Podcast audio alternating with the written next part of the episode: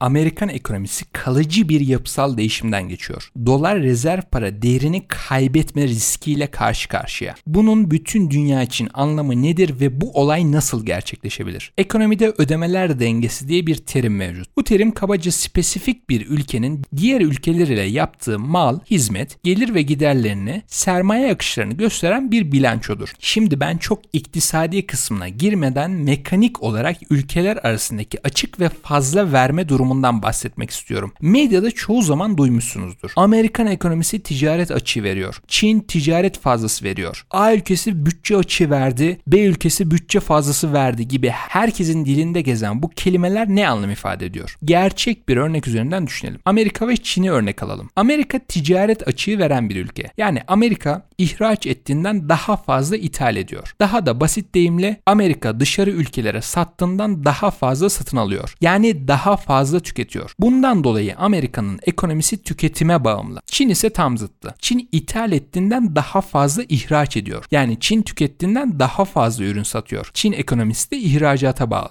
Şimdi bu iki seçenekten direkt olarak kulağa çekici gelen ilk etapta Çin gibi duruyor değil mi? Sonuçta bize her zaman borcun kötü bir şey olduğu öğretildi. Bundan dolayı borç, bütçe açıkları, ticaret açıkları otomatikman kötü bir düşünce çağrıştırıyor. Fakat durum gerçekte böyle mi? Şimdi Çin gibi bir ülkenin büyümesi için ne gerekiyor? İhracat etmesi gerekiyor. Yani kendi haricindeki diğer ülkelerin ondan daha fazla satın alması gerekiyor. Bundan dolayı aslında Çin dışa bağımlı bir ülke. Ancak dışarıya daha fazla ihracat yaparsa kendini daha hızlı bir şekilde büyütebilir. Öbür tarafta Amerika'nın büyümesi için ne gerekiyor? Daha fazla tüketmesi. Yani ithal etmesi gerekiyor. Neden? Çünkü Amerika ticaret açığı ile büyüyen bir ülke. Bundan dolayı Amerika aslında içerideki tüketimine bağımlı bir ülke. Şimdi ilk akla gelen soru şu. Tamam da Amerika tüketirken bu açığını nasıl finanse ediyor? İşte en önemli soru da bu zaten. Amerika'nın büyümesi için daha fazla tüketmesi lazım. Tamam ama bu büyürken verdiği açığı nasıl finanse edecek? Diğer ülkelere tahvil veya mal varlığı satarak. Bu simbiyotik ilişki şu şekilde çalışıyor. Amerika'nın büyümesi Çin'in işine geliyor. Çünkü Çin ihracat yaparak büyüyor. Bu yüzden Amerika ne kadar tüketirse o kadar iyi. Fakat teoride Amerika'nın ticaret açığı vermesi elinde Çin'in ürettiği malları alacak kadar yeterli dolar olmaması demek. O zaman çözüm Çin bütçe fazlası vererek Amerika'nın tüketimini finanse ediyor. Yani Çin Amerikan tahvillerini alıyor. Yani kabaca Amerika borçlanıyor ve bu borçlanmayı Çin gibi Amerika'nın tüketiminden faydalanarak büyüyen yani ticaret fazlası veren ülkeler tarafından finanse ediyor. Bunu iki şekilde yapabilirler. Amerikan tahvillerini alırlar yani kabaca Amerika'nın borcunu finanse ederler veya Amerikan mal varlıklarını yani firmalarını, hisselerini, gayrimenkullerini satın alabilirler. Yani sermaye akışı sağlayarak Amerikan dolarının değer kaybını engellerler. Böylece bir ülke görece olarak tüketerek diğer ülke üreterek büyümüş olur. Peki bu sistem nerede kırılır? Sistemde aşırı kaldıraç yani borç birikene kadar. Borç ile büyüyen ekonomide her bir krizde kümülatif olarak daha fazla borç birikir. Yani bir krize girerken 1x kadar borç varsa krizden çıkarken düşürülen faizlerin etkisiyle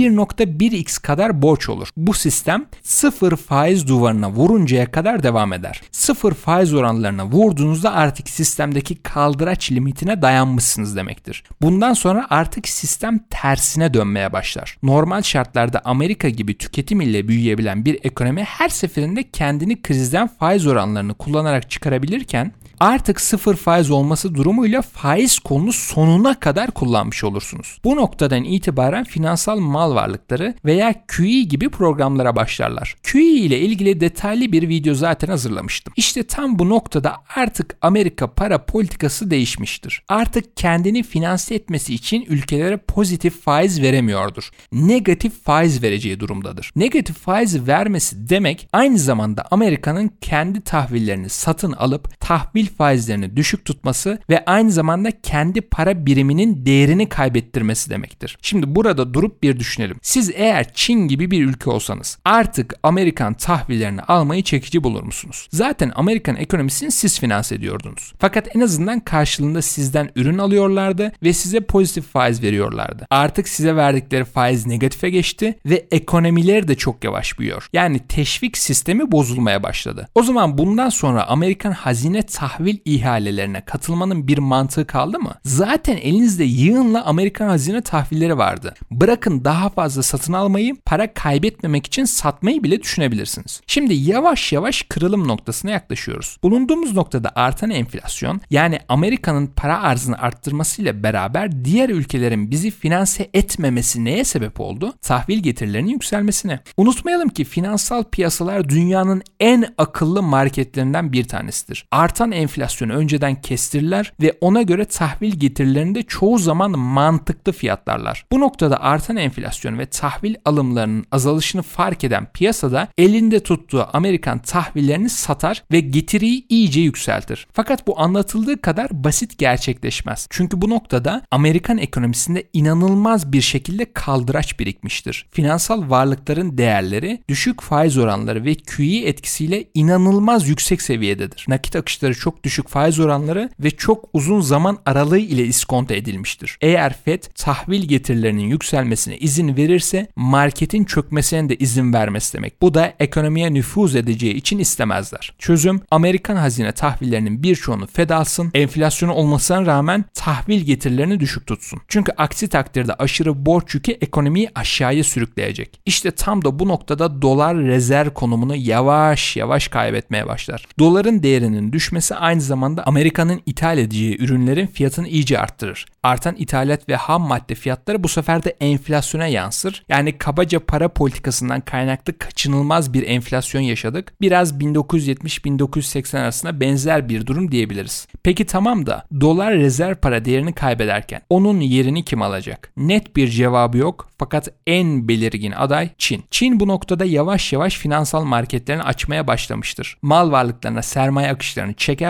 Böylece Çin yavaş yavaş fazla verme modundan çıkar ve açık verme moduna geçer. Ve aynı hikayeyi Çin için yaşarız. Yani Çin ticaret açığı vermek zorunda kalır. Diğer ülkeler ticaret fazlası verir. Çin tüketim ekonomisine döner. Onun tüketimi diğer ülkelerin büyümesinde pozitif etkiler. Çin'in bu süreçte para biriminin değer kaybetmemesi için diğer ülkeler Çin tahvil ve finansal varlıklarını satın alır ve yine benzer bir döngü oluşur. Bu döngü Ray Dalio'nun üzerinde durduğu uzun süreli borç döngüsü diye tabir ettiği yani 70 ila 80 senede gerçekleşen bir döngüdür. Birçok insan bunu ancak hayatında bir kere gördüğü için tecrübe edemez ve reaktif bir tepki verir. Eğer bu anlattıklarım doğru çıkarsa biz önümüzdeki yıllarda artık nasıl bir döngü yaşayacağımızı kabaca biliyoruz. Özetle bir ülkenin açık veya fazla vermesi kelime anlamlarından daha komplekstir. Dünya ekonomisinde bir büyüme için zorunlu olarak bazı ülkeler açık, bazı ülkeler fazla verecektir. Bütün bu dinamiği sadece açık veren kötü, fazla veren iyi olarak değerlendiremeyiz. Makinenin bir sürü değişkeni var. Fakat kabaca bütün bu döngüler tarihte defalarca yaşanmıştır. Yıllar öncesinde rezerv para birimi Hollanda'ya aitti. Sonra İngiltere'ye geçti. Ardından Amerika'ya. Şimdi sırada kim var? Bunu hep beraber yaşayarak öğreneceğiz. Videoyu beğenmeyi ve paylaşmayı unutmayın. Görüşürüz.